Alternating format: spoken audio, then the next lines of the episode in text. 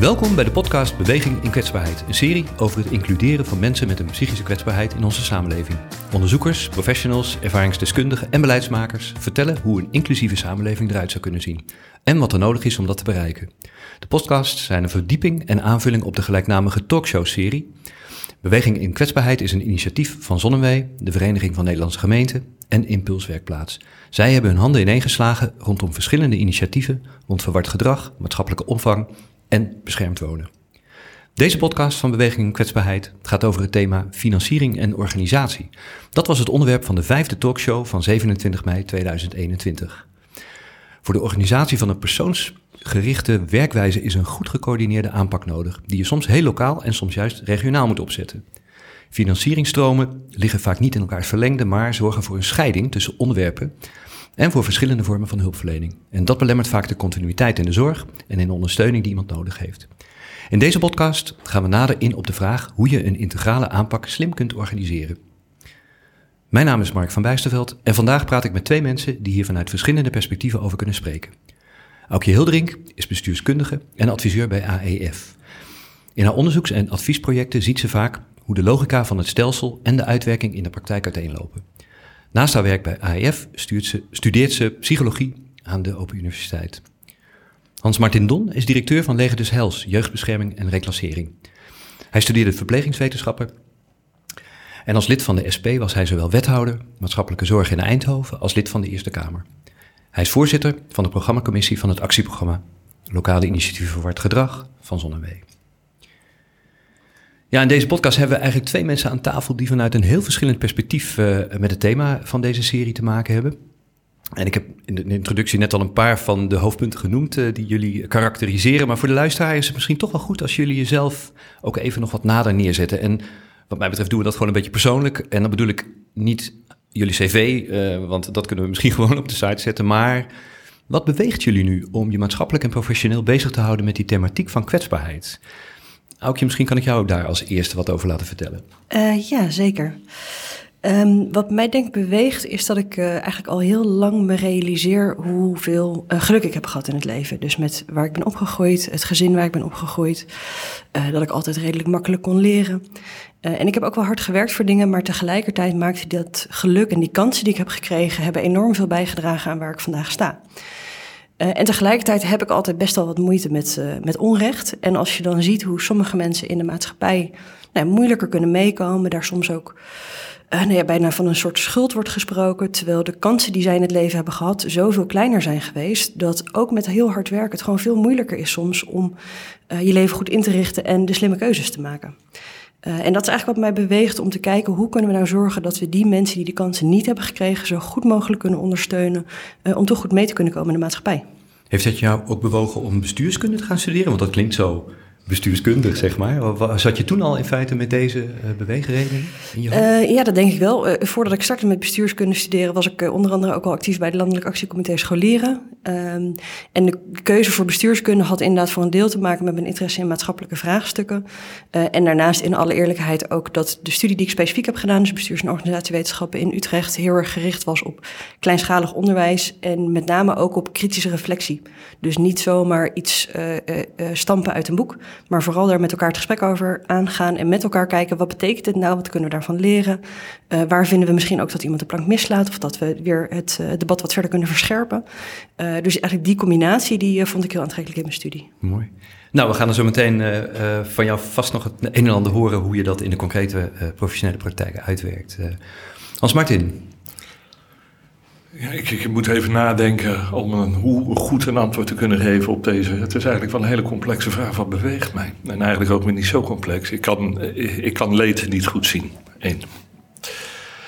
Um, wat ik ondertussen geleerd heb, dat wij eh, elke samenleving uh, split mensen van elkaar in degene die het goed gaat en degene die het niet goed gaat. En dat zit ingebakken in onze samenleving. In elke samenleving, ook in onze samenleving. Hoe goed Nederland het ook doet hè, op de wereldranglijsten, Europese ranglijsten. Wij uh, sluiten mensen in en we sluiten mensen uit. En door die uitsluiting krijg je dus een verschil in, uh, in je samenleving. En wil je het met z'n allen goed hebben met elkaar, dan moet je toch dat verschil zien te overbruggen. En dat zul je doen met een uh, uitgestoken hand. Dat is even het politieke antwoord. Het eerste antwoord wat ik gaf, ik kan niet goed leed zien, dat blijft gelden. Dat is ook eigenlijk wel de reden geweest waarvoor ik uh, de verpleging in ben gestapt. Ik heb de HBOV gedaan. Ik zit hier op, uh, we zitten in Utrecht op historische gronden, er net al iets over uh, verteld. Hier ben ik ooit ook begonnen als verpleegkundige. De oude psychiatrie gezien. En toch ook een beetje, ja, noem het maar Florence Nightingale uh, gedachtegoed. Hè, voor een ander te, willen, te willen zijn. En dat is eigenlijk nog steeds een beetje zo, terwijl ik al lang geen verpleegkundige meer ben. Ben mijn registratie ook kwijt. En nu directeur ben van een uitvoeringsorganisatie. Maar het blijft er nog wel steeds een beetje in. Hoe kun je er nou voor zorgen dat je die andere de helpende hand blijft reiken? Nou ja, Anders kan ik het niet maken, dat is het. Dat is hem inderdaad, ja. Je bent ook voorzitter van het actieprogramma uh, vanuit een, dezelfde beweegreden, neem ik dan maar ja. aan. Hè? Ja. ja, en er zit natuurlijk ook al een, misschien wel bovenmatig interesse in. Hoe kun je nou systemen bouwen om dichter bij, uh, bij de mensen uit te komen die het betreft. En uh, dat zijn hele complexe vraagstukken. Uh, en hoe, hoe, hoe gecompliceerd die samenleving is, hoe steviger deze vraagstukken zijn. Misschien dat we daar dadelijk nog wel eens over komen te spreken over een voorbeeld van de jeugdbescherming, waar ik nu in ieder geval voor verantwoordelijk ben. Hoe complex we het met elkaar organiseren. En dat we gewoon eigenlijk uh, nauwelijks over de kinderen praten die het betreft, maar veel meer over de systemen hebben. Nou, dat is misschien ook wel het thema. Hoe organiseer je nou je, je zorg, je ondersteuning, hetgene wat je wilt regelen voor de ander, zodat hij zelf verder kan komen? Hoe organiseer je dat nou op een manier waar die ander ook daadwerkelijk profijt van heeft? Nou, we komen daar zo meteen zeker nog over te spreken, over die hele concrete voorbeelden waar je zelf mee te maken hebt. Uh, ja, het, is, het wordt complex, laat je ook al vallen. Dat is natuurlijk een hele duidelijke kenschets van waar we het hier over hebben. Um, je hebt in een eerder interview, ik heb je al eens eerder geïnterviewd voor de website van Zonnewee, helemaal aan het begin van het actieprogramma, heb je heel mooi een schets gegeven van de veranderingen in de terminologie eh, als we het over de doelgroep. Ik vind dat woord eigenlijk een lastig woord. Uh, uh, dat is net alsof daar een groep zit waar je naartoe ja, je, je acties richt. Maar goed, laten we het toch maar even zo noemen. Aanvankelijk zorgwekkende zorgmeiden, zoals een term die je noemde. Veel plegers, dat is natuurlijk heel erg justitieel ingestoken, zeg maar. Hè? Mensen die vooral ja, gewoon delinquent gedrag vertonen mensen met verward gedrag. En inmiddels bewegen we steeds meer in de richting van een omschrijving waarin de omgeving vooral centraal komt te staan. Dat hebben we ook in deze serie een aantal keer naar voren zien komen. Mensen in een kwetsbare situatie. En jij zei toen in dat interview ook al, uh, uh, ja, mensen tussen wal en schip. Wat eigenlijk ook een mooie, bijna poëtische term is, uh, hoe serieus die situatie voor die mensen ook is.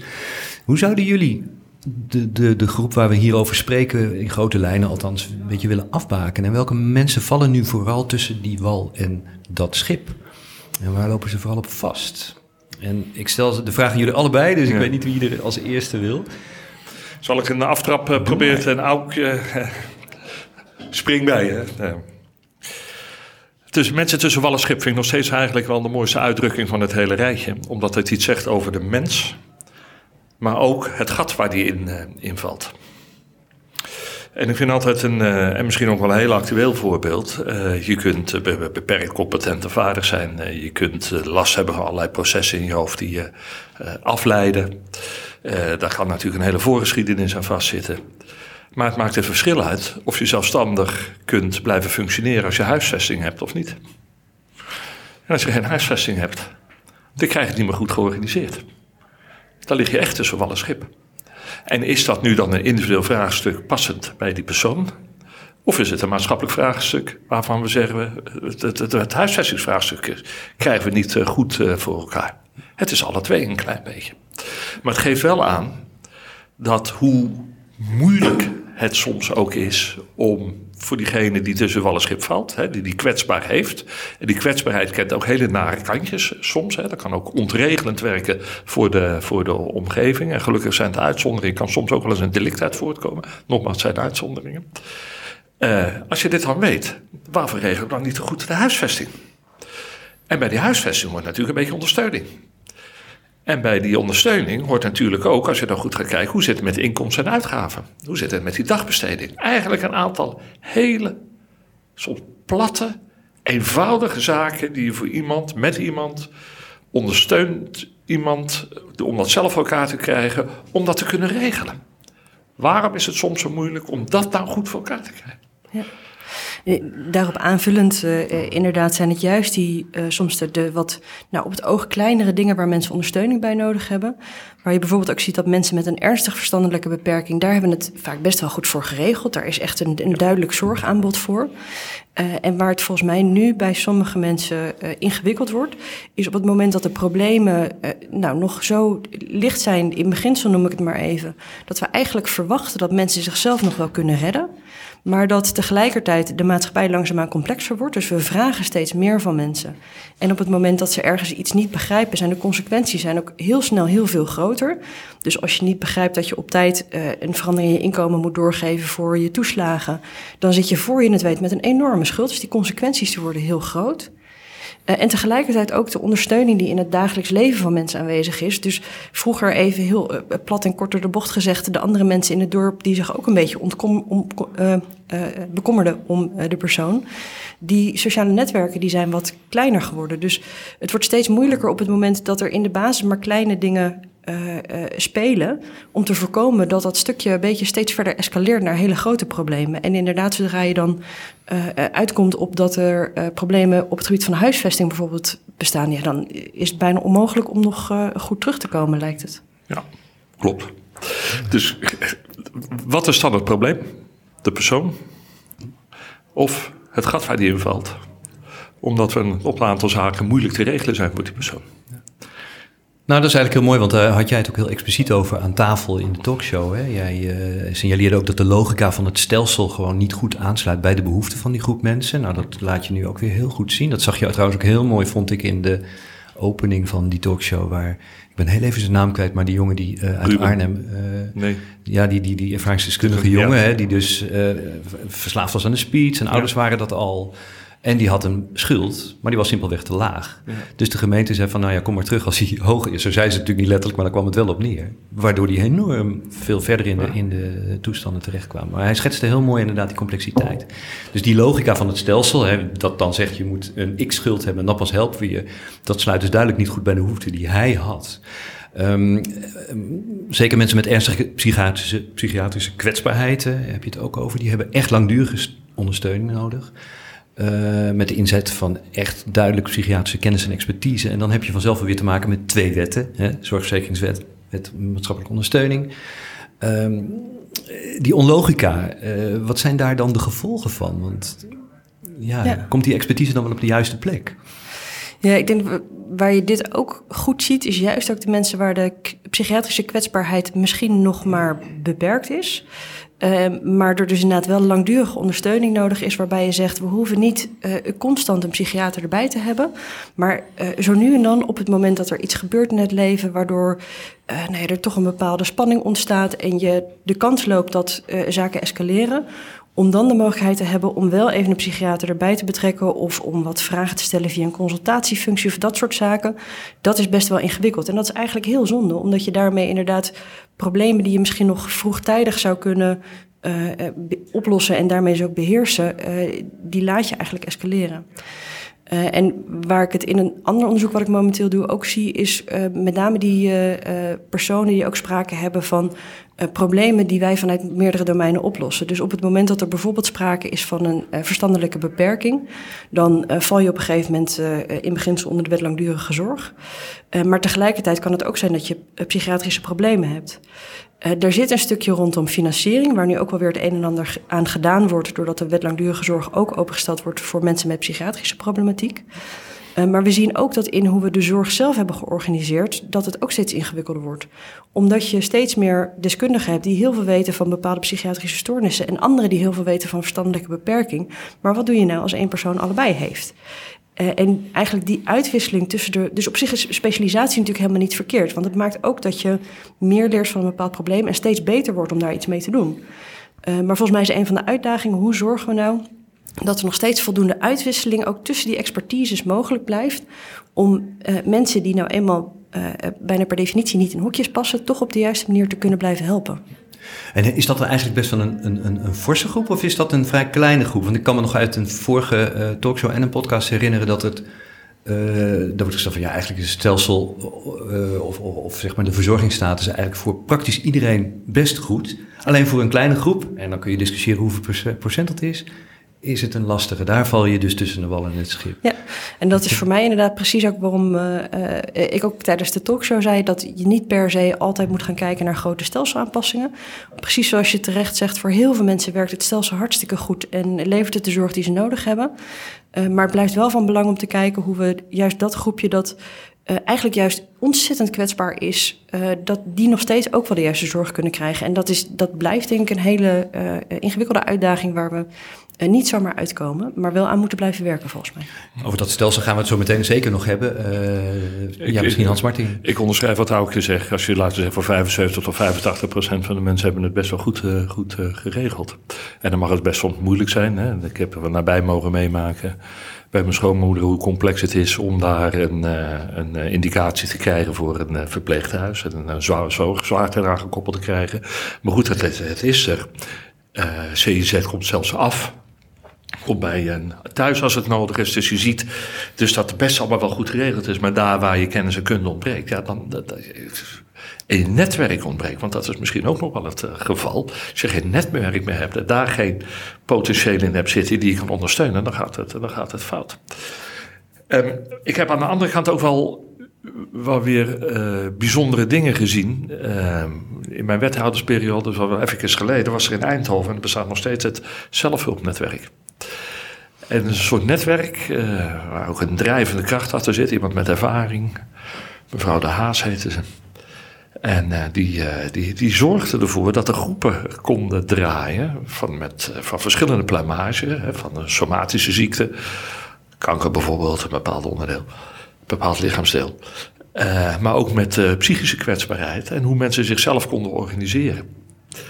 En daar ontstond dus iets van een onderlinge betrokkenheid uit. En uh, Aukse zegt iets over die psychiater, hè, dat hij soms wat laagdrempeliger zou mogen zijn, de GGZ, hè, en die wat meer outreachende mogen zijn. Uh, uh, en we hebben natuurlijk de, de eerste lijns GGZ georganiseerd met de POH, die zou daar ook mogelijk iets in kunnen, kunnen, kunnen betekenen. Hè. Hoe kruipen we dichter tegen je patiënt, dus aanhalingstekens aan. Maar dat zelforganiserende vermogen, het verbinden onderling met elkaar.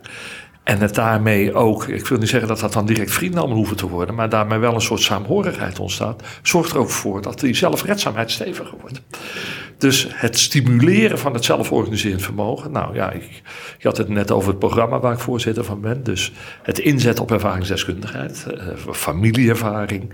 Het is natuurlijk een belangrijk uitgangspunt geweest om op die manier te kijken. Als je tools mee kunt geven voor degene die het betreft, of uitdaagt of uh, middelen geeft om die tools te ontwikkelen, dan, dan zie je dat dat dragend vermogen groter wordt en daarmee ook makkelijker uh, je uitkomt bij de organisaties die je nodig hebt om verder uh, hulp te, te, of ondersteuning te krijgen. Je kent dat dus uit Eindhoven. Heb jij een beetje een beeld hoe dat in het land zit? Ik kan me voorstellen. Ja, ja, want, nou, nou, het, elke grote stad heeft op dit moment wel een vorm van uh, ervaringsdeskundigheid, ondersteuning, een werkplaats. Geef het maar een, even een naam. En ik spreek over langere periode geleden, geleden in, in Eindhoven, het zelfhulpnetwerk. Maar daar is bijvoorbeeld de coöperatie Markiezen uit voortgekomen. Uh, waarbij ervaringsdeskundigheid en het promoten en het uh, inhuren van ervaringsdeskundigheid ook weer gesponsord door verschillende organisaties die erachter zitten. Dus een corporatie een belangrijke rol vervult. Maar ook hier in Utrecht is er wat, in Amsterdam is er wat. Dus je ziet het, het is echt een breed gegroeid fenomeen geworden. De, ja, en het is niet vooral iets, want ik herken het heel erg uit uh, bijvoorbeeld uit uh, de hoek van de mensen met de psychotische gevoeligheid en dat ja. soort dingen. Hè. Dus met echt uit de, bijvoorbeeld ook daar de naaste en dat is echt uit die meer psychiatrische heftige hoek, om ja. het maar even zo samen te vatten. Maar je kunt je ook voorstellen dat juist hè, een groeiende groep mensen die dement zijn, de mantelzorgers, dat daar ook heel veel behoefte is aan dit soort zelforganiseerd vermogen. Hebben we dat? Uh, rondom mantelzorgers kan ik me voorstellen dat je daar wel beweging hebt. Rondom uh, men, mensen die uh, Alzheimer-achtige probleem hebben, is dat weer wat lastiger, denk ik, om dat voor elkaar te krijgen. Maar je ziet het ook op het gebied van armoede en schulden. Zie je dat er ook verbindingen aan het ontstaan zijn en verbindingen zijn. En netwerken ontstaan waar mensen elkaar helpen. Ik ben ooit eens een keer uitgenodigd geworden als ik nog senator. Toen ben ik naar Groningen gegaan, nee, naar Veendam gegaan. En daar was een mevrouw die had voor zichzelf een armoedenetwerk georganiseerd. Maar dat was een mevrouw. Uh, maar het is stevig hoor, heel stevig. Op het haast, maar misschien door het anarchistisch af. Ik ga ervoor en ik ga het organiseren. Maar die had dus een soort ruilnetwerk met allerlei andere mensen georganiseerd. Waar ze elkaar dus vanuit je armoedeproblematiek ondersteunde. En wat, dat, wat ik zag, en dat was misschien wel een beetje ook wel gekoppeld aan deze mevrouw. Je zag een stevige mevrouw die zin in het leven had. Die had een doel voor zichzelf gesteld. Die ging ervoor. Die had mensen om zichzelf georganiseerd. Dus naast dat je elkaar ondersteunt en daarmee iets van uh, laat verbinding met elkaar maakt, geeft het ook een doel en een perspectief waar je naartoe kunt werken. En er zit ook in, ja, daar komt mijn SP-achtergrond ook weer naar boven een klein beetje. Ja, jongens, ontwikkel jezelf en neem het heft in eigen handen. En pak de mogelijkheden die er zijn. Ze kwam dus ook in conflict, dat vond ik wel bijzonder, met, het, uh, met, het, uh, met de gemeenteraad daar. Uh, en er zaten een paar van mijn bloedbroeders die niet zoveel van wilden te weten. Dat was allemaal wel lastig, zo'n netwerk. Dus, maar ze ging wel door. Het geeft energie. Ja. Emancipatie is dat natuurlijk hè, ook. Heel duidelijk. Mooie woord. dat is het officiële woord. Ja. Herken jij dit een beetje uit wat jij zo tegenkomt, uh, Aukje? Dat zelforganiserend vermogen als emancipator uh, richting om. Uh, ja. Uh, ja en nee. Ik, ik, denk dat je het inderdaad op sommige plekken uh, ziet. En ik vind het. nee, ik deel helemaal Hans Martins enthousiasme op de plekken waar je het ziet. en tegelijkertijd is mijn indruk ook dat er binnen de groep mensen zijn die dit gewoon nog steeds. Nee, die daar moeite mee hebben om dat voor elkaar te krijgen. Uh, en dat is eigenlijk ook een beetje waar we mee begonnen. Zeg maar de, um, uh, dus ook een, een deel mijn motivatie om met dit soort thema's aan de slag te zijn. Ehm, dat dit soort dingen heel goed kunnen. En sommige mensen kunnen dat ook heel goed. Maar als je de kansen in je leven niet hebt gekregen, vraagt het wel wat extra's. Uh, en dat is niet, iedereen, niet voor iedereen zomaar weggelegd. Dus uh, ik zie het inderdaad en ik denk dat dat ook echt heel mooi is. En dat waar we dat kunnen ondersteunen en kunnen vergroten. En uh, misschien bijvoorbeeld inderdaad faciliteren door mensen bij elkaar te brengen. en daar zeg maar een soort van eerste, eerste stap in te helpen zetten. Dat dat heel mooi is. Um, en tegelijkertijd ben ik ook bang dat dat het nooit helemaal zal oplossen. Dus niet voor iedereen een oplossing zal zijn sluit ik me bij aan. Weet je, het is, het is niet de ultieme oplossing voor alle problemen. Maar het is natuurlijk uh, daar waar je jezelf organiseert en beweging kunt maken en naar elkaar kunt omzien en een positie kunt opnemen. Ook tegenover de gevestigde orde, wat je me net al iets hoorde zetten. Dus ook ten opzichte van de GGZ. Uh, ook ten opzichte van de gemeente. Want uh, burger, verheft u zelf, pak je stem. En claim je positie. Hè? De, de, dus, de, dat betekent dus dat je een gesprekspartner wordt voor een ander. Nou, dat betekent de positieverbetering. Maar dat vraagt wel wat. Ja. Nou ja, en vanuit Zon en W hebben we met name rondom de ervaringsdeskundigheid, GGZ, eh, verslaving en thuis- en dagloosheid. Hebben we natuurlijk wel wat flink wat geld geïnvesteerd. om die juiste beweging wat beter op gang uh, te krijgen. En dat gaat met vallen en opstaan. Maar goed, aan de andere kant er is ook wel wat geld naar de professionele kant gegaan. Dat gaat ook met vallen en opstaan. Dat zijn, uh, Zeker. Dat zijn uh, ook geen automatische bewegingen. Ik wil uh, ook nog even jou dan, want je spreekt nu vooral vanuit je SP-achtergrond. Je ziet je helemaal ook opbloeien. Dat is duidelijk ook iets wat je nog heel erg leeft bij jou. Maar je bent ook gewoon directeur van ja. reclassering, nee, hoe heet het, van de Leger des Heils, reclassering en jeugdzorg. Uh, je had het tijdens de talkshow ook over het productiekader. Hè? Ja. Nou, dat is een totaal andere term natuurlijk, die heel erg uh, ja, functioneel of, of, of, technocratisch bijna is. Alleen al dat woord zei er wel bij. Maar je hebt er wel mee te doen. Hoe doe jij dat dan in die rol? Uh, om, om die logica toch beter te laten aansluiten bij de behoeften. Nou, dat is wel een heel actueel vraagstuk hoor. Ik weet het soms niet. Weet je, bijvoorbeeld, ik ben, uh, je had het over jeugdzorg, maar het is jeugdbescherming. Of jeugdbescherming, ja, ik vergeef je, want dat is, dat is best wel een complexe wereld. De jeugdbescherming is daar waar kinderen in onveiligheid opgroeien. De Raad van de Kinderbescherming een advies geeft. De jeugdrechter, de kinderrechter besluit dat er een maatregel moet worden genomen voor een extra toezicht in het gezin. En de jeugdbeschermer dat moet uitvoeren. Dit is wel de meest extreme situatie die ik ooit heb meegemaakt, waar we nu in, in zitten. Als je het hebt over vertechnocratisering. Uh, ik weet uh, heel goed uh, hoe mijn KPI's erbij staan rondom uh, de koppeling van een kind aan een jeugdbeschermer, welke tijdsfase ertussen zit. Hè. Dat mag niet langer duren dan vijf dagen. ik weet percentage hoe we dat dan bereiken. Ik weet ook goed wanneer het gedragen plan van aanpak klaar is, is wanneer de, de risicotaxaties zijn gedaan. Maar ik weet eigenlijk niet goed hoe het met de kinderen gaat. En ik, uh, ik weet wel dat mijn jeugdbeschermers dat weten op individueel casusniveau. Hè. Individuele kinderen, dan kunnen mijn jeugdbeschermers heel goed vertellen hoe het is. Hè. Daar zie je juist ook die, die warmte in die relatie zie je terugkomen. Maar zodra je daarvan wegkomt, en je komt op managementniveau uit, dan zijn de KPI's leidend. dan is het normenkader, de, de wettelijk kader waarbij we binnen moeten acteren, is leidend. Waar een gedeelte van die KPI's in beschreven staan leidend. En vervolgens aan de gemeentes gaan. Die zijn niet geïnteresseerd in de KPI's. Nee, die zijn geïnteresseerd in de kostprijs die wij hebben. En de inkooprelatie die we hebben. En die zijn geïnteresseerd in, in hoeverre het lukt onze medewerkers aan ons te blijven binden. Dus ik, je fungeert, functioneert eigenlijk steeds op drie niveaus. Hoe gaat het met de kinderen? Voldoen we aan onze KPI's, aan onze wettelijke verplichtingen? En krijgen wij er wel tot een goede prijs van de gemeentes? En vinden we dan ook nog mensen voor die prijs? Om dat allemaal gefinancierd te krijgen.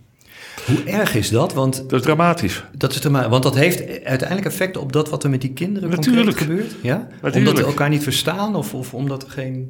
Op het moment dat mijn KPI's niet in orde zijn, dan ga ik drukken op die KPI's. En dat betekent, ik, ik zeg bij even zwart-wit, om het gewoon scherp neer te zetten. Hè. We proberen het natuurlijk allemaal wat genuanceerder te doen. Maar als ik ga drukken op die KPI's, moeten medewerkers harder lopen om die KPI's, die doorlooptijden, noem maar even te halen. En als ik ga drukken op die doorlooptijden, dan ga ik ze toch van de, de, interactie die ze moeten aangaan. Of de ruimte die ze hebben om die interactie aan te gaan. Hè. Dan moet je je voorstellen, je kunt hoeveel kinderen hebben. Je moet toch die doorlooptijden halen. Dan neem je er maar twee kinderen bij. En dan heeft het wel, heeft het wel invloed op de kwaliteit van die relatie die je met dat kind aangaat. Nou, daar, daar zit natuurlijk, krijg je spanning op. Dus je legt een hoop druk leg je op je uitvoeringsorganisatie neer. Daar waar je een schaarse arbeidsmarkt hebt medewerkers turnover. Vertrek van medewerkers is best groot. We vinden gelukkig ook wel weer nieuwe medewerkers. Maar elke vertrekkende medewerker, los van wat dat emotioneel met die medewerker doet. En voor zo'n team waar zo'n medewerker deelt, levert dat weer gedoe op. Dit is echt de verkeerde groef waar we met z'n allen in zitten. Ja. En ik, kan me voorstellen dat van sommige, uh, ook van de wettelijke vereisten, de wettelijke KPI's die opgelegd worden, dat die allemaal met goede intenties zijn opgelegd. En ook een bepaalde, echt, echt wel een, een goed doel hebben en een goede gedachte achter zit. Dus bijvoorbeeld dat plan binnen een aantal dagen. Ja, je wil natuurlijk op het moment dat er sprake is van onveiligheid in een gezin, wil je zo snel mogelijk weten wat je nou moet gaan doen om dat kind uh, in een meer veilige omgeving op te laten groeien. Uh, en tegelijkertijd, ik heb uh, voor een ander onderzoek ook inderdaad wel eens gesproken met onder andere jeugdbeschermingsorganisaties op een gegeven moment wordt soms wel de afweging op het moment dat je in die eerste paar dagen de ouders bijvoorbeeld niet goed kunt bereiken. Ja, zeg je dan, we sluiten binnen vijf dagen af met een plan dat onvolledig is, maar dan hebben we wel onze KPI gehaald. Of zeggen we nou, als we twee dagen langer de tijd nemen, dan komen we echt tot een beter plan.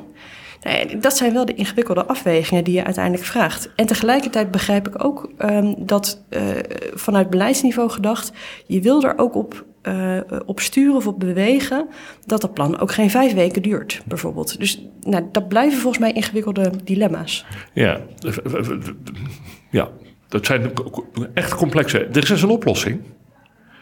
Echt, ja. Ja, dat is niet zo moeilijk. Geef, het profes, geef de professional het vertrouwen dat hij binnen redelijke termijn eh, contact heeft met het kind, binnen redelijke termijn heeft, uh, redelijke termijn een goed gedragen plan heeft, dat daar een goede risicotaxatie is gedaan. Geef de professional de ruimte om een caseload te krijgen die, waarbinnen die goed kan functioneren. Dat die niet al te veel druk voelt op het allemaal moeten leveren en presteren. Nou, een beetje, druk kan geen kwaad, maar geef daar in ieder geval de ruimte. En praat met die professional over zijn vakkundigheid. Hoe komt hij uit bij de kinderen? Wat betekent dat nou voor die kinderen? Wat kan die professional zichtbaar maken wat hij met de kinderen bereikt? Kun je dat ook nog wel een beetje objectiveren. Want nogmaals, dat hoort er ook bij. Hè?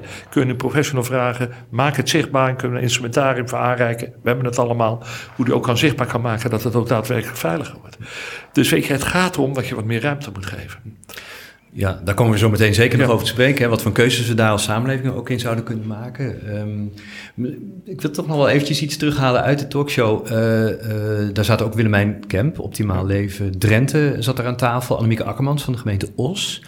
Uh, en dat sluit een beetje aan bij van ja, organiseren, hè, die hele KPI-toestanden. De systemen zijn natuurlijk eigenlijk bedacht om het voor overal, zeg maar, in elk geval rechtmatig te laten zijn. Um, en ja, dat moet je dan eigenlijk ook overal, zullen we maar zeggen, uitrollen als het ware. Maar het, het grappige vond ik dat bij die twee succesverhalen, dus Optimaal Leven Drenthe, uh, Os, dus Wijk Ruwaard, wat terecht ook aan de tafel ja, we halen altijd de ruwaard erbij... want er lijkt bijna niet iets echt anders te zijn... wat zo succesvol lijkt te zijn. Maar ze kregen het niet, of moeilijk althans voor elkaar... om dat echt op te schalen. Maar je kan het misschien ook omdraaien. Moeten we dat eigenlijk wel willen, dat opschalen? Is het niet juist de kracht van dat soort van initiatieven... dat ze juist vrij klein blijven? Ja. Dat sluit misschien een beetje aan bij jouw ruimteverhaal, hè, ruimte geven. Hoe zien jullie, hoe kijken jullie daar tegenaan? Um, succes is afhankelijk van mensen. En als je een goed team hebt wat goed functioneert en stappen twee personen uit, twee professionals uit. Dat wil niet automatisch zeggen dat met twee nieuwe personen er nog steeds een succesvol team is. Het gaat dus om wat je met elkaar met elkaar kunt organiseren. Die professionaliteit, je vakkundigheid, hoe je daarmee over spreekt. Hoe je elkaar het vertrouwen geeft. Hoe je elkaar een intercollegiale toetsing doet. En dan mag je best wel wat kaders omheen zetten. Maar we denken altijd dat je een formule die gebouwd is op personen zomaar kunt neerleggen op een andere situatie. En dat kan niet. Want die formule kan wel werkzaam zijn, maar hij wordt gedragen door personen. En als je de personen niet hebt die die formule kunnen uitvoeren en die draging kunnen organiseren, dan glijdt het weer op zijn gat. Dus, en helaas, we zitten natuurlijk in een wereld, ik zal het woord één keer gebruiken, waarbij het rendementsdenken, het neoliberale natuurlijk wel leidend is. Hè? Wat krijgen we terug voor ons geld? We moeten het zichtbaar maken wat we voor het geld hebben. Ik zeg het ook weer wat zwart-wit, want je vindt een hoop nuances, ook bij gemeentes, gelukkig ook bij gemeentes. Maar ook bij het ministerie van Justitie, waar we een reclasseringsorganisatie ook draaien, vind ik wel een hoop nuances vind ik terug. Maar je ziet er natuurlijk in, in die rechtmatigheid die eronder ligt, hè, dan zie je natuurlijk wel een sturend vermogen. Ja, we moeten wel zichtbaar houden waar het geld naartoe gaat. Dat botst af en toe tegen die werkelijkheid. Uh, dat mensen gewoon, ja, weet je, ik heb eens een keer een, een neurobioloog uh, horen praten, dat is al twintig jaar geleden, en die zegt: We hebben hersenen meegekregen. Dat is een interactieorgaan. En we kunnen ermee nadenken.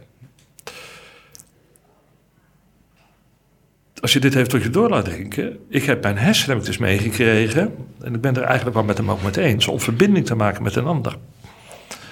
En ik kan daar ook rationeel mee nadenken. Dat moet wel gegeven zijn. Hè? Dan moet het ook in omstandigheden een beetje kloppen.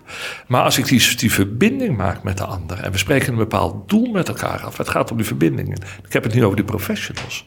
En je vindt elkaar op dat doel. Dan ga je die beweging krijgen. En het maakt misschien helemaal niet meer zo uit wat voor formule je er aan de grondslag ligt. Maar dan krijg je die beweging. Dan ga je die focus op het doel. Maar het gaat over menselijke processen. En de financieringssystematiek. Die zakelijk. Die is rechtmatig georiënteerd. Hoe kom ik van A naar B? En we plakken de KPI's op. En die spanning zit erin. En je lost het op door vanuit de financiering meer ruimte te geven aan die professional. Herken jij dat? Uh, bijzonder herkenbaar. Ehm, op het moment dat je inderdaad kijkt naar het opschalen van lokale initiatieven, is voor mij inderdaad ook altijd even de vraag van, maar wat is nou precies dat wat je zou willen opschalen? Wat, wat werkt daar nou waarvan je eigenlijk zou willen dat het overal in Nederland zo gaat werken? Uh, en dan herken ik enorm wat Hans Martin zegt. Um, wat je eigenlijk dan wil opschalen is de verbindenis tussen de mensen. Dus dat mensen elkaar vinden en niet alleen fysiek treffen en weten wie ze moeten hebben, maar echt vinden in een bepaalde uh, manier van denken, uh, van denken en een manier van werken die ze samen willen gaan opzetten en waar ze mee aan de slag gaan. En dat kun je gewoon niet één op één kopiëren. Um, dus als ik dan ook even kijk naar het onderzoek dat wij bijvoorbeeld nu doen naar die lokale initiatieven, dan kijken we wel naar rode draden in wat er werkt en wat er niet werkt. Maar dat zijn uiteindelijk zijn dat heel vaak toch meer uh, punten op het soort, nou ja, ik noem bijna even het randvoorwaardelijke niveau.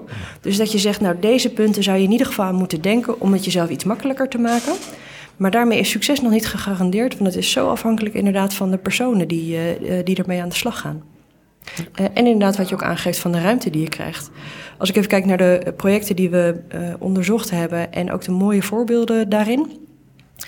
Uh, een van de dingen die ik heel mooi vind, is de plekken waar het contact wordt gezocht met de persoon om wie het gaat. Maar ook met een bepaalde vasthoudendheid en een bepaald geduld. En de ruimte om te kijken wat voor die persoon nodig is om contact te maken en om samen stappen te gaan zetten. Um, en dat is tegelijkertijd, als ik hem weer vanuit een beleidsoptiek bekijk, ook weer heel ingewikkeld. Want dan zeg je dus eigenlijk, nou, we zetten een zak met geld neer en we zeggen, nou, uh, succes en we gaan ervan uit dat je het goede doet. Uh, en meten wat dan het goede is, is ook ingewikkeld. En de vraag is ook of je dan niet weer verzandt in KPI's die uiteindelijk uh, dysfunctioneel gaan werken. maar ja, aan de andere kant heb je inderdaad ook belastingbetalers die toch vinden dat er iets van logica moet zitten in waar het geld naartoe gaat.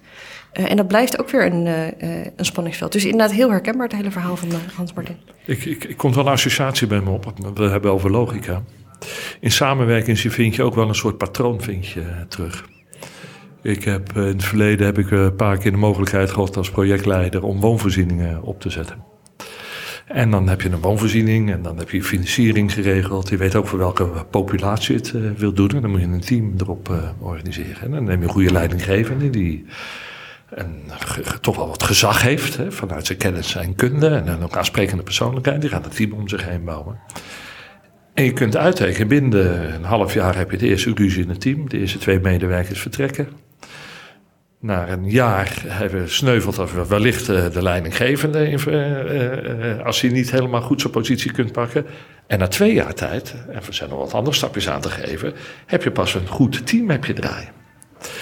Dus in die interacties die je met elkaar organiseert, zie je dus ook bepaalde patronen. En soms denk ik ook dat bepaalde wetmatigheden kun je, zie, je, zie je terugkomen. Als je dit pakt.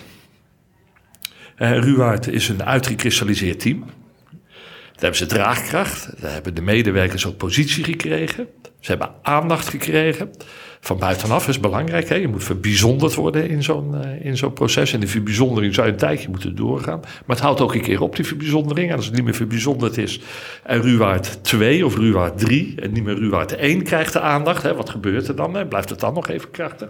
Dus het zijn ook wel fragiele systemen die je eigenlijk met elkaar eh, organiseert. Maar door dit te zien en te herkennen en met elkaar uit te spreken.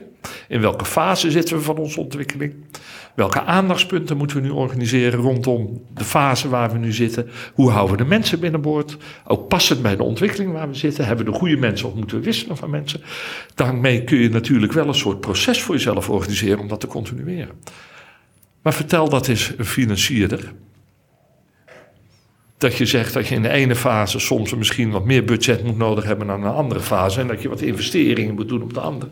Leg dat eens uit. En leg er ook eens uit dat dat een soort. Ik gebruik het woord wetmatigheid. En ik, ik, ik, ik, ik zit niet meer zo in de literatuur. Vroeger zat ik wat meer. En ik weet niet of dit soort procesaspecten.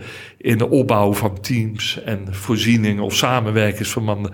wel eens wat dieper beschreven zijn. Ongetwijfeld. Maar leg dat eens uit. Probeer dat eens. Nou ja, weet je, moeilijk. Maar we hebben toch de hele decentralisatie toch bedacht... omdat je dan juist dichter bij die burger bent... en de gemeente kent die burger goed. En dan zou je toch verwachten dat die... zijn dan financier van een deel in elk geval... van wat we hier proberen te realiseren... Hè, zorg en ondersteuning op maat naar behoefte...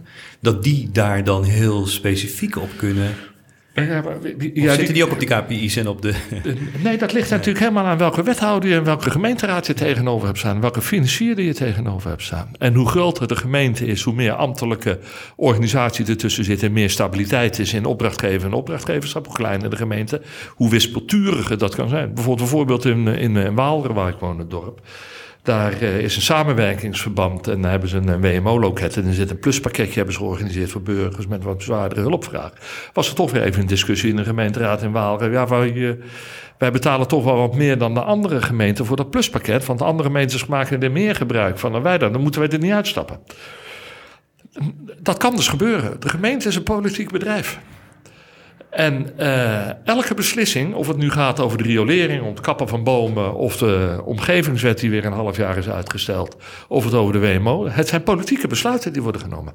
Waar een politiek college richting aan moet geven. En nogmaals, de stabiliteit moet je dan hebben, toch van je ambtelijk apparaat en de continuïteit. Hè? En je hebt natuurlijk een hoop wijze, hoop wijze wethouders die daar uh, ook best wel met verstand en vernuft uh, sturing aan geven.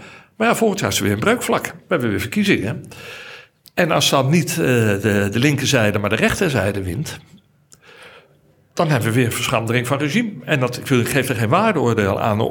soms is, kan dat ook door weer eens hele kritische vragen te stellen over hoe een aantal zaken functioneren, weer eens voor nieuwe dynamiek en beweging zorgen. Dus dat is ook goed. Maar gemeenten zijn per definitie niet altijd stabiel in het organiseren van waar ze, wat ze altijd pretenderen te doen. Er zit een instabiliteit en die heet politiek. Ja. En bij een decentralisatie is denk ik ook altijd belangrijk om in gedachten te houden dat je dat vaak doet vanuit uh, de wens om lokaal de ruimte te geven om het goed te doen.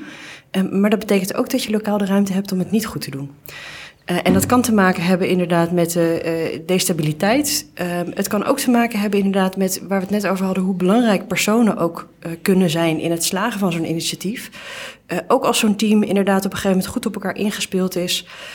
Dit is een samenwerkingsverband van een aantal verschillende organisaties. Een van die personen krijgt een andere baan. Nou, daar komt iemand voor in de plaats die dit dan ook in zijn portefeuille erbij krijgt, terwijl hij daar misschien helemaal geen zin in heeft. en dat destabiliseert het initiatief dan ook weer. En dat blijft natuurlijk altijd het ingewikkelde met dingen die je op lokaal niveau uh, organiseert.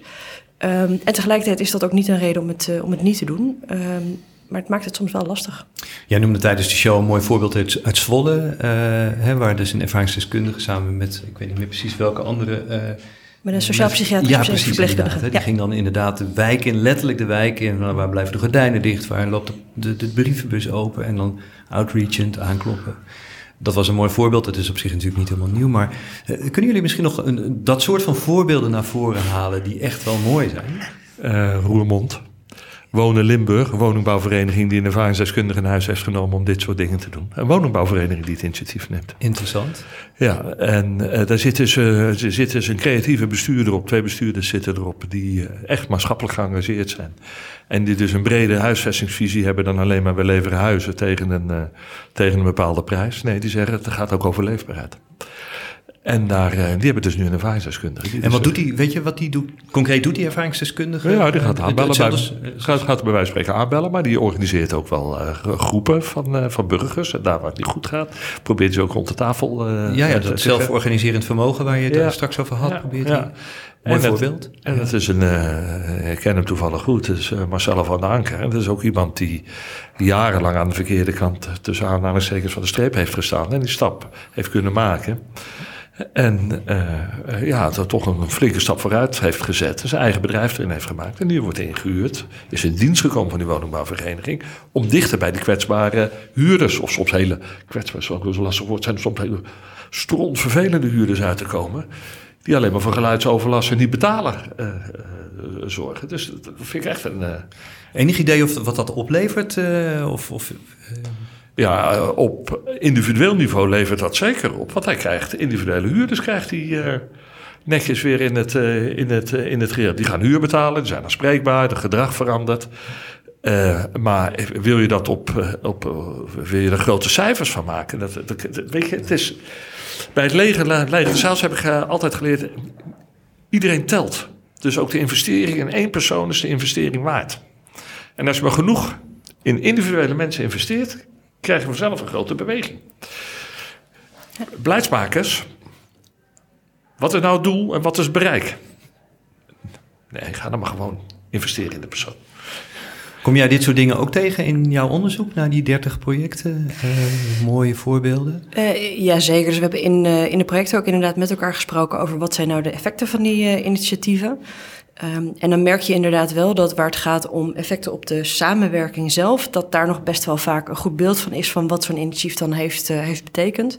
Maar op het moment dat je de stap wil zetten naar wat betekent het nou voor een naaste uh, of voor de betrokkenen zelf, uh, wordt het veel moeilijker om daar iets in te monitoren of te registreren of te meten. Um, en daar zit toch inderdaad ook altijd weer een beetje het dubbele in. Uh, dat je dat aan de ene kant ook wel weer wel wil, omdat je wel wil dat de dingen die gedaan worden zin hebben. Maar dat de dingen die heel belangrijk zijn, vaak juist het moeilijkste meten zijn. Uh, dus dat maakt het best wel, uh, best wel ingewikkeld. en wat ik verder in algemene zin heel mooi vind in veel van de projecten die we gezien hebben, is Um, dus deels uh, de vasthoudendheid die sommige mensen hebben, van toch blijven proberen. En uh, dat is voor mij ook een beetje een soort letterlijk: ik hou je vast of zo. En ik laat je niet meer los. En we gaan samen kijken hoe we hier, hier uit kunnen komen. wat ik heel mooi vind. en dus inderdaad de ruimte die ze krijgen of nemen om het te blijven proberen als de eerste keer nog niet lukt. dus ook dat vind ik mooi om te zien. Uh, en wat volgens mij vaak ook wel een belangrijk element is, is de vraag in hoeverre laten mensen zich ook tegenhouden door wat zij ervaren als de belemmeringen van het systeem. Dus even los van dit specifieke onderzoek, uh, zie ik in meerdere onderzoeken vaak dat uh, er uh, ideeën bestaan over dat dingen niet kunnen, of dat er ergens geen financiering voor is, of dat de wet het niet toestaat. AVG is typisch zoiets waarvan veel mensen zeggen: ja, maar ik mag niet dit en ik mag niet dat. Waarbij vaak toch blijkt dat er eigenlijk veel meer kan en veel meer mag dan wat mensen denken. De privacywet, hè, bedoel je nu de AVG? Ja, ja. precies. Ja. Um, dus die plekken waar het goed werkt, zijn soms ook die plekken waar mensen zeggen: ja, ik weet niet zeker of het mag. Um, maar het kan toch niet waar zijn dat het niet mag. Dus ik ga me erin vastbijten, ik ga het uitzoeken, we gaan het gewoon doen en we gaan aan de slag. En uh, dan kunnen er mooie stappen gezet worden. Ja. Dat is die ruimte waar jij het zelf over had. Hè? Je moet je, ruimte organiseren, je moet je eigen ruimte organiseren. Ja, ja. En je moet natuurlijk de, de grens waar je tegenloopt en de wettelijke kaders in de gaten houden. Maar ga eerst maar eens kijken wat er kan en ga maar eens aan de slag. En dan hoor je gauw genoeg van wat, wat er eens niet mag en dan kun je ertoe verhouden. Maar als je van tevoren eerst alles in kaart gaat brengen wat er niet mag en niet kan, dan kom je nergens meer. Nou ja, dat is misschien ook wel een mooie brug naar, uh, of eigenlijk hebben we het er al over, hè, wat voor samenleving, wat voor keuzes hebben we als samenleving te maken, politiek, uh, uh, qua organisatie, bestuurlijk. Um, tijdens de show kwamen de, de talkshow kwamen de verschillende mensen ook weer naar voren met de opmerking van ja, de reflex om het stelsel maar weer eens op zijn kop te gooien is misschien wel begrijpelijk, hè, want het stelsel past niet, de logica is, is ver te zoeken, het zit vaak in de weg. Maar ja, dan maak je weer een nieuw stelsel of een nieuw systeem. En dat zorgt dan ook weer voor nieuwe afbakingen en ook weer voor nieuwe schotten. Dus daarmee los je het eigenlijk niet op. En daar was jij, Aukje, ook heel helder over. Jij zei dat we de samenwerking en uitwisseling tussen die domeinen die er zijn... en die heb je bij elk verschil, ja, hoe je het ook organiseert, heb je die... Uh, die moet je stimuleren en daarnaast voldoende, al dan niet tijdelijke, regelvrije ruimte. Hè, daar kunnen we misschien zo ook nog wat over hebben, wat dat concreet behelst. En deurtjes tussen de schotten. En zelfs door dat deurtje, wat je dan nodig hebt om misschien weer dingen te regelen die je anders niet voor elkaar hebt, daar past weer een andere persoon weer ook weer niet doorheen. Dus dat hou je toch. Nou, jij hebt het er net ook al gezegd, en dat zei je tijdens de show ook, Hans Martin, uh, dat het belangrijk is de professionaliteit in de lead te zetten, met de tegenspraak van de cliënt of de inwoner. En je zei letterlijk, de politiek heeft de verantwoordelijkheid, maar moet zich meer laten leiden door de professionals en de burgers. Ja. Dus daar komt het vandaan. Nou, daar hebben jullie allebei uh, al een heleboel over verteld. Uh, toch is het wel interessant, want je kunt dus die ruimte zelf creëren hè, als professionals. Nou, wat voorbeelden waar dat dan ook gebeurt, mensen die vasthoudend zijn. Maar is er niet ook toch een soort van politieke, bestuurlijke moed nodig om dat ook meer te faciliteren? En te zorgen dat die organisatie ook echt vanuit die professional en vanuit die burger, cliënt kan worden gedaan? Of is dat dan weer veel te veel van bovenaf gedacht? Ik, ik denk zeker dat er een bepaalde moed voor nodig is om op een bepaald niveau te zeggen: ik sta voor mijn mensen, ik sta achter mijn mensen, net hoe je het uh, wil zien.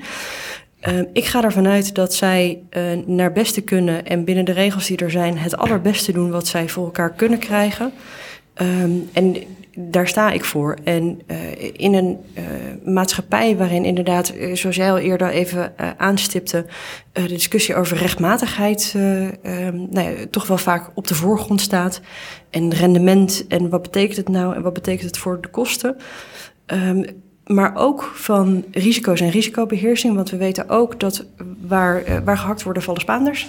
Dus hoe goed we het ook doen, we zullen nooit kunnen voorkomen dat er incidenten zijn of dat er ook wel eens iets, uh, iets fout gaat. En de moed om dan te zeggen van ik durf een stukje los te laten. Uh, en niet alles helemaal uh, te reguleren, maar ook inderdaad die ruimte te geven. En als het dan fout gaat, dan sta ik, dan sta ik ook voor mijn mensen. Dat vraagt inderdaad wel moed. Ja. En dan heb je het nu over de, de moed van een, een bestuurder van een organisatie? Of? Bijvoorbeeld, ja. of inderdaad vanuit de politiek. Dus de ruimte die een wethouder geeft aan het ambtelijk apparaat om daar ook een keuze in te maken. En ook te zeggen, als jullie vinden dat dit de beste weg is, dan volg ik jullie daarin. en dan sta ik er ook voor op het moment dat het niet goed gaat. Ja, dat herken ik. Wat ik steeds meer en meer merk is dat ik veronderstel dat de ander wel snapt hoe het in elkaar zit. En het is vaak helemaal niet zo. En wie bedoel je nu met de ander? De, de... Bijvoorbeeld, ik als directeur van de jeugdbescherming, dan veronderstel ik dat een wethouder wel weet hoe mijn ellende eruit ziet. Of hoe de ellende van zijn kind eruit ziet. Of wat mijn oplossing wel betekent. Hij heeft vaak helemaal de beelden niet in zijn hoofd.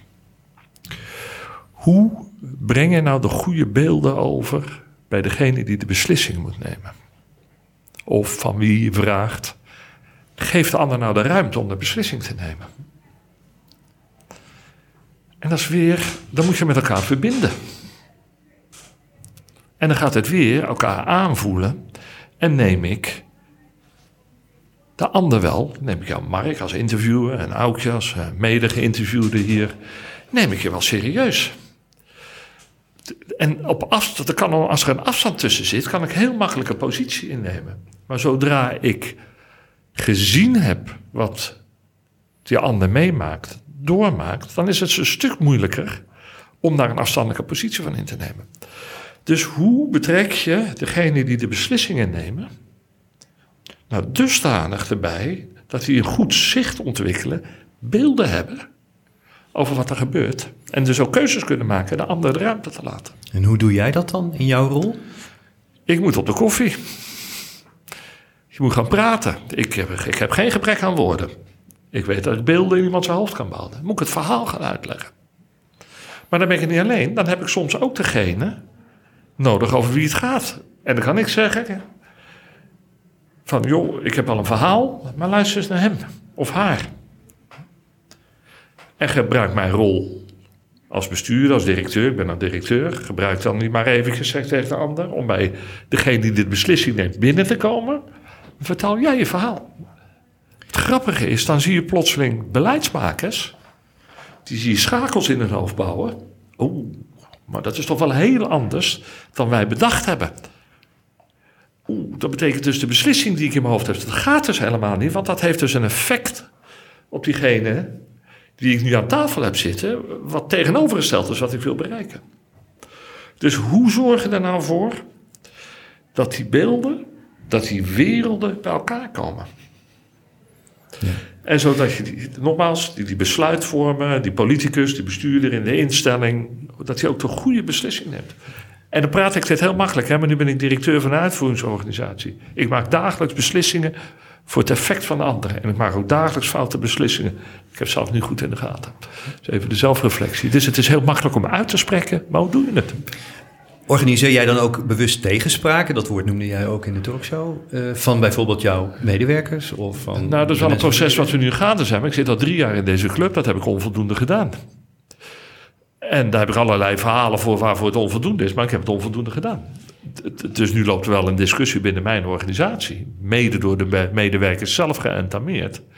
Om te zeggen, joh, die tegenspraak naar jullie toe moet echt groter. Want jullie doen niet de goede dingen. Dus betekent ook dat hij anders een positie moet pakken. Dus degene die het over gaat, die moet zijn positie pakken. En daar bedoel ik dus mee dat hij af en toe moet roepen en niet zeggen van tot hier en niet verder. Zodat degene die erover gaat zich realiseert, oké, ja, nou ga ik en doe ik misschien wat de goede dingen, doe, doe ik toch niet de goede dingen organiseren. Dus het is niet een vanzelfsprekendheid. Je moet dus ook je positie opeisen. En dan komt mijn politieke achtergrond weer een klein beetje. Als het je beroerd gaat, dan kun je natuurlijk in een, in een collectief slachtofferschap vervallen en zeggen: ah, huilie, huilie. Maar je kunt natuurlijk ook zeggen: hoe gaan we onszelf organiseren? En waar we Nederland trouwens heel goed in zijn, dan krijgen we hoeveelheid belangenverenigingen en hoeveelheid public affairs medewerkers eh, rondlopen op verschillende lagen. Maar hoe ga ik daar nou voor zorgen dat die positie, dat ik die zichtbaar maak? En hoe ik dus dan nou ook op een wijze, en er is wel een spelregel bij, het moet wel echt zijn hè? en het moet ook eerlijk zijn. Hè? in de vorige podcast hadden we twee mensen die ook in de praktijk werken, Marcel van Eck en Nienke Boonstra. En uh, die, met name Marcel, die was daar heel helder over. Zei van ja, je bent toch ook, uh, je kiest voor het beroep van sociaal werker in zijn geval, omdat je mensen wil helpen. En dat je heel erg ook, ja, dan ga je bij wijze van spreken tot het gaatje. En dan, dan beschouw je dat helemaal als je individuele verantwoordelijkheid bijna om het ook allemaal te redden. En dan wordt redden misschien redderen en zo. Dat is een beetje tegenspraak met dat organiseren. En Zit het niet ook een beetje ingebakken in de professionaliteit van mensen in deze hele wereld om uh, ja, toch eigenlijk helemaal individueel op te pakken en te gaan redderen? Moeten we dat dan niet op een bepaalde manier toch stimuleren dat dat dan meer georganiseerd wordt? Of... Uh, ik kan me voorstellen dat er veel kan helpen op het moment dat mensen inderdaad de ruimte krijgen om dat te doen wat goed is. En tegelijkertijd kan ik me ook voorstellen dat je daarin mensen ook misschien een klein beetje tegen hunzelf moet beschermen. En ook uh, ik kan me voorstellen dat als professional, als het soms niet lukt, en er, zijn, er blijven altijd situaties waarin het echt niet lukt, uh, dat op het moment dat, je, dat het te veel jouw eigen identiteit wordt om iemand te helpen en het lukt dan een keer niet, is dat ook heel zwaar. Dus de vraag is volgens mij enerzijds hoeveel ruimte moeten we die professionals geven, hoeveel ruimte kunnen we die professionals ook geven. en aan de andere kant denk dat we ook steeds in gedachten moeten blijven houden dat die professionals, dat we die ook voor langere tijd gezond en, en werkend willen blijven houden. Ehm, en dat is soms ook best ingewikkeld, zeker op het moment. Uh, ik noemde net inderdaad al even die, uh, nee, die incidentpolitiek die je soms toch ziet. Dat als er een keertje een incident is, dat mensen daar ook uh, best wel heftig op worden aangesproken. ook daarin denk ik dat we moeten opletten dat we professionals die heel hard hun best doen, ook niet te veel beschadigen door heel heftig op dit soort dingen te reageren. Want natuurlijk, het is heel vervelend en soms gaan er ook dingen fout. Um, maar ik heb inderdaad wel de indruk dat het over het algemeen mensen zijn die toch echt wel met uh, alles wat ze hebben het beste proberen te doen. Um, nou ja, dus maar is dat dan niet een beetje een doorgeschoten effect van uh, het kwaliteitsdenken, waarbij eigenlijk alles in protocollen, in richtlijnen enzovoort ja. gevat moet worden, waardoor je die professionele ruimte bijna niet hebt, de professionaliteit eigenlijk te weinig ruimte krijgt? Ja, en ik denk dat we toch meer en meer, zeg maar, dat, uh, er wordt al vaak gesproken over een maakbaarheidsillusie, en toch blijft die voor mijn gevoel steeds sterker worden. Dus uh, naarmate we steeds meer denken dat alles maakbaar is en dat we alles kunnen oplossen, betekent dat dus ook dat als het een keertje niet goed gaat, dat het dus iemand zijn schuld is. Want dan heeft iemand dus niet goed gedaan. Um, en dat we soms ook moeten accepteren dat hoe hard we ook ons best doen en hoe goed we het ook in de basis kunnen, dat het soms dan nog steeds niet lukt. Uh, en dat dat besef en ook uh, dus uh, nou ja, het vertrouwen in de ander, dat als dan een keertje niet goed gaat, dat iemand er wel alles aan heeft gedaan, dat dat wel kan helpen. Daar sluit ik me wel uh, bij aan. Um, we hebben natuurlijk, wij denken dat we ook alles aan kunnen. Hè? Wij hebben een, een maakbaarheidsideaal uh, wat hoog in het uh, vaandel staat. En dat is niet zo. En we hebben altijd mensen die tussen wal en schip blijven vallen. En we hebben altijd mensen die, ondanks allerlei investeringen die je hebt gedaan, die toch weer de verkeerde keuzes maken. Ja, en dan kun je protocollen, procedures, van alles op inrichten. Um, maar uh, daar ga je niet altijd mee wegkomen. Het is goed dat we het doen. Maar je zult altijd weer rekening moeten houden dat het toch anders loopt dan dat je had bedacht. Ja. Dat is bijna natuurlijk ook een soort filosofisch mensbeeld, samenlevingsbeeld. ja, en dat betekent dus ook dat je altijd in je, in je samenleving de flexibiliteit moet hebben dat je, dat je daar dan weer op, uh, op inspeelt. Uh, dat je in je gemeente als wethouder, hoe goed je het ook geregeld hebt, altijd weer moet gaan nadenken. Kom ik wel voldoende uit bij die burgers? Wetende dat je niet voldoende uitkomt bij die burgers. En dat je daar niet op afgerekend hoeft te worden, omdat dat een wetmatigheid is, een gegeven is. Ja, we zijn nog maar eenmaal geen logisch uh, georganiseerde wezens. We zijn emotie georganiseerde wezens. Dat is wel duidelijk inderdaad, ja. Um, toch wil ik nog even, want dit is natuurlijk een mooie uh, filosofische uitweiding, maar toch eventjes nog naar, de, gewoon naar het geld. Hè? Dat werd natuurlijk ook, ja. naar, we, we, hebben duidelijk geen uh, pleidooien gehoord en die doen jullie eigenlijk ook niet voor uh, hele stelselwijzigingen, maar uiteindelijk het geld gaat natuurlijk wel heel erg, is een heel sturend gegeven. Um, de bestaande financieringssystemen die knellen soms. Hè? Nou, daar kun je dan wel met deurtjes en op allerlei manieren natuurlijk wel iets omheen, maar er zijn ook allerlei perverse prikkels. Zijn er dan niet toch bepaalde politieke beslissingen nodig om daar toch wel wat mee te doen? Om daar wat weg van te komen dat dat zo verkeerd stuurt, wat het soms doet? Of? Ja, ik heb, ik heb als wethouder had ik een soort uh, hardheidsclausule. Ik mocht afwijken van de bestaande regels als ik maar gemotiveerd kon doen als wethouder. En dan kon je een andere beslissing nemen dan in de verordeningen, uh, zelfs in de wet stond aangegeven.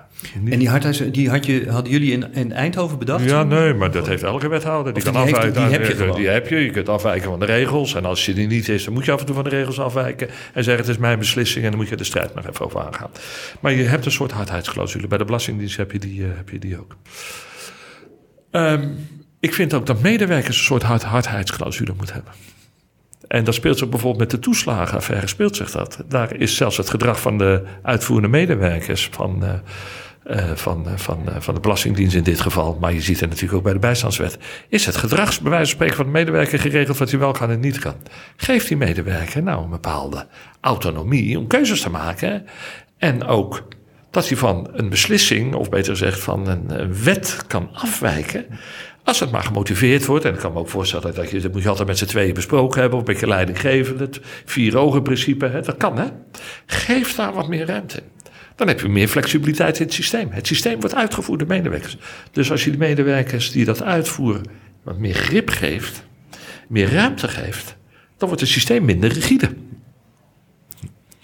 Nou, dat is wat mij betreft een, iets waar we verder over zouden na moeten denken. En dat vereist ook wat politieke moed. Want dan kan iemand roepen: Ja, ik heb een afwijkende beslissing genomen en gefundeerd. En ik heb het besproken bij mijn leidinggevende. Je hebt je erbij neer te leggen. Hoe zie jij dat als bestuurskundige, dit soort van uh, het sturende van het geld en de ruimte die je daarin biedt? Um, ik, vanuit uh, inderdaad het perspectief van de bestuurskundige um, vind ik het in die zin dan ook weer ingewikkeld dat je je afvraagt, zeg maar, welke ruimte geef je dan aan welke personen? Dus als we bijvoorbeeld even kijken naar um, uh, waar je uh, bij deze doelgroep vaak de ingewikkeldheid ziet, dan is het inderdaad de financieringstromen vanuit verschillende wettelijke domeinen. Uh, en de ruimte die je binnen de gemeente geeft, bijvoorbeeld, uh, zal er met name ruimte binnen de WMO zijn. En een medewerker van de gemeente kan logischerwijs niet zomaar een besluit nemen over financiering van de ZVW. Uh, dus dat zou wel betekenen dat je eigenlijk op verschillende plekken moet gaan kijken van waar die ruimte logisch uh, te vinden is. Um, en wat we in sommige initiatieven dan bijvoorbeeld ook hebben gezien, uh, is dat op het moment dat er discussie was over of iets nou wel of niet betaald mocht worden vanuit de zorgverzekeringswet, uh, dat er ook wel eens overleg met de NZA over is geweest en gewoon de vraag is gesteld: mag dit nou? Kunnen we dit nou doen? Uh, en daar heb je dan dus inderdaad, en dat is dan wel op een iets hoger niveau, ja. maar wel ergens een plek waar iemand in ieder geval een uh, beslissing kan nemen. Um, ik kan me voorstellen dat zij nee, niet de ruimte hebben om echt af te wijken van de wet als er letterlijk staat dat het niet mag. Dus daarmee heb je nog niet misschien alles opgelost voor alle individuele gevallen. Maar het is wel iets wat al een enorme stap kan betekenen, in ieder geval uh, op die punten waar het meer grijs gebied is. Dus heel veel van de knelpunten die ik in verschillende onderzoeken voorbij hoor komen, zijn niet zozeer een heel duidelijk zwart-wit. Want als het heel duidelijk zwart-wit is, dan is er meestal ook wel weer een oplossing te verzinnen. Maar zijn het vaak juist de grijze gebieden. En daar inderdaad uh, iemand voor hebben die daar een beslissing in kan nemen. Um, en voor sommige gevallen kan dat zo laag mogelijk. En in andere gevallen kan ik me voorstellen dat je toch zegt van nou, we willen er iets van sturing op houden. Maar dan zou inderdaad een NZA of een, uh, een zorgkantoor of een regionale zorgverzekeraar uh, zou daar een rol in, in kunnen spelen. Dat kan zeker helpen. Weten mensen van elkaar voldoende dat dit soort dingen kan? In het veld? Of ik denk dat het, dat het te vaak onduidelijk is of iets wel of niet kan. Of dat er te vaak de gedachte is dat iets niet kan. Um, en dat is wel iets waarvan ik denk dat we daar echt nog wel een wereld in kunnen winnen.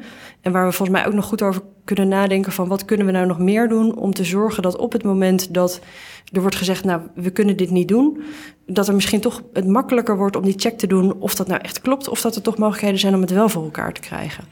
En ik kan me voorstellen dat bijvoorbeeld de, de vlot regioadviseurs die er nu zijn, daar een hele mooie rol in uh, kunnen spelen. Uh, dus als zij voldoende gevonden worden, dat dat echt al enorm kan helpen. Vlot regioadviseurs, wat, waar staat dat vlot voor?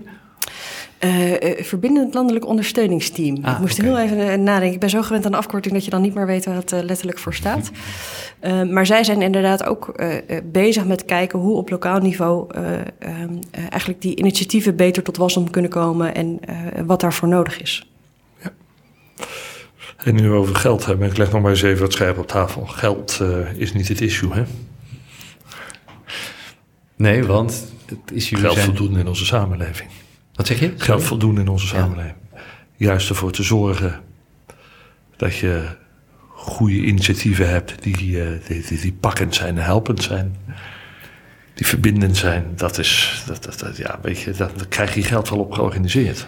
Wat wel complex is, de projectfinanciering. Waar we natuurlijk vanuit Zon en wij volop aan mee hebben gedaan.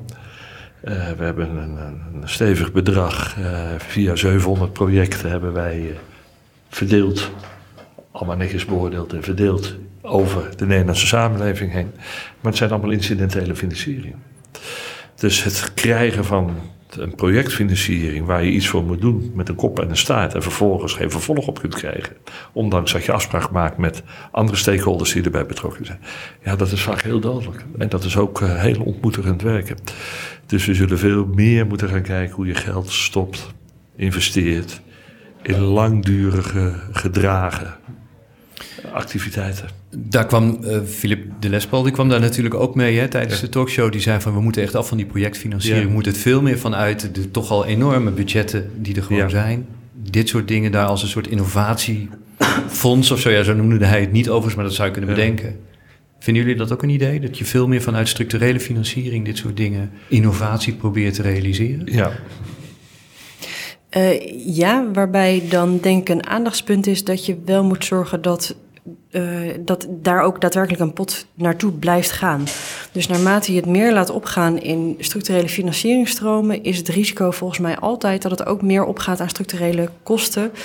En er dus toch niks meer overblijft voor innovatie. Ja, als laatste wil ik jullie eigenlijk nog in één of twee zinnen nog een soort uh, oproep aan. Hè, jij had het in het begin al en tussendoor hebben we het er heel veel over gehad. Hè. Uh, daarnet zei nog letterlijk het geld, dus het is je niet. Het gaat om de initiatieven die komen bij mensen vandaan. Wat zou je de mensen, professionals, de burger, de cliënt of, of de, de wethouder of wie dan ook, maar wat zou je die mensen nu nog willen meegeven uit wat je hebt geleerd uit het programma, maar ook uit deze hele serie? Houtje of Um, ik denk dat waar we het heel vaak hebben over wat er allemaal ingewikkeld is en wat er allemaal niet lukt, dat het ook heel mooi is om te zien wat er allemaal wel lukt. Um, en uh, zeker wat er op lokaal gebied ook georganiseerd kan worden. Um, dat het ook echt kan helpen om dus inderdaad op het moment dat dingen ingewikkeld zijn, toch te kijken van kunnen we op de een of andere manier erachter komen of het nou echt een probleem is, of dat we alleen maar uh, de indruk hebben dat het een probleem is, of dat het lastig is. Um, en even heel praktisch, daarbij ook zo praktisch of zo, zo, zo concreet mogelijk te maken waar het dan niet lukt of waar dat dan aan ligt. Uh, want ik merk uh, soms ook nog wel eens dat het vanuit het beleidsniveau ingewikkeld is om precies te zien aan welke knoppen zij nou nog moeten draaien om het makkelijker te maken voor het lokale niveau. Omdat ze zeggen, ja, we horen wel vaak dat het ingewikkeld is, maar we begrijpen nog niet helemaal precies waar het nou zit. Nou, en daar zit natuurlijk voor ons als onderzoekers vaak ook wel weer een rol. Uh, en tegelijkertijd kan ik me ook voorstellen dat naarmate die berichten concreter en duidelijker doorcijpelen richting uh, het ministerie, het misschien soms voor hen ook makkelijker wordt om op tijd te kijken wat zij dan nog kunnen doen om de lokale initiatieven beter te ondersteunen. Nou ja, dat is dus dat, hè, wat jij daarnet ook vertelde, Hans Martin, dat je dus ook dat verhaal moet gaan vertellen. Ja. Dus, ja. Ja. Wat zou jouw oproep zijn nog? Ja, dan sluit, daar, daar, kom ik dan toch hierbij aan. Dus de, de, de, de, de professional, de werkers, uh, bent of zonder ervaring, dat doet me even niet, want het zijn toch professionals en werkers. Uh, laat zien waar je mee bezig bent. Uh, doe de zaken rondom degene voor wie je het moet doen. Maar hou altijd in je achterhoofd dat je natuurlijk betrokken hebt die op een, een of andere manier dit moeten faciliteren. Laat dus dat werk zien en gebruik daarmee ook je vaardigheden en competenties om te verbinden, ook met, om met de opdrachtgevers te verbinden. En de oproep naar de opdrachtgevers is.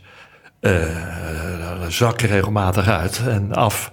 En kijk hoe het eruit ziet. En geef een ander de ruimte en het vertrouwen ook om zijn werk goed te kunnen blijven doen. Ja, het klinkt allemaal een beetje soft, maar het, het, het, het soms heel hard.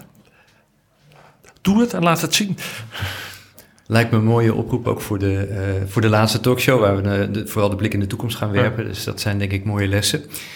Dank jullie wel. Uh, deze podcast van Beweging Kwetsbaarheid ging over het thema financiering en organisatie. Het onderwerp van de talkshow van 27 mei 2021. De zesde en laatste talkshow is op donderdag 24 juni 2021 ook weer van 4 tot half 6. En dan is het thema een blik op de toekomst. Ook na deze show maken we weer een podcast met twee experts. Dus graag tot de volgende keer. Ik ben Mark van Bijsterveld. De techniek was in handen van Jonne Seriese. Bedankt voor het luisteren.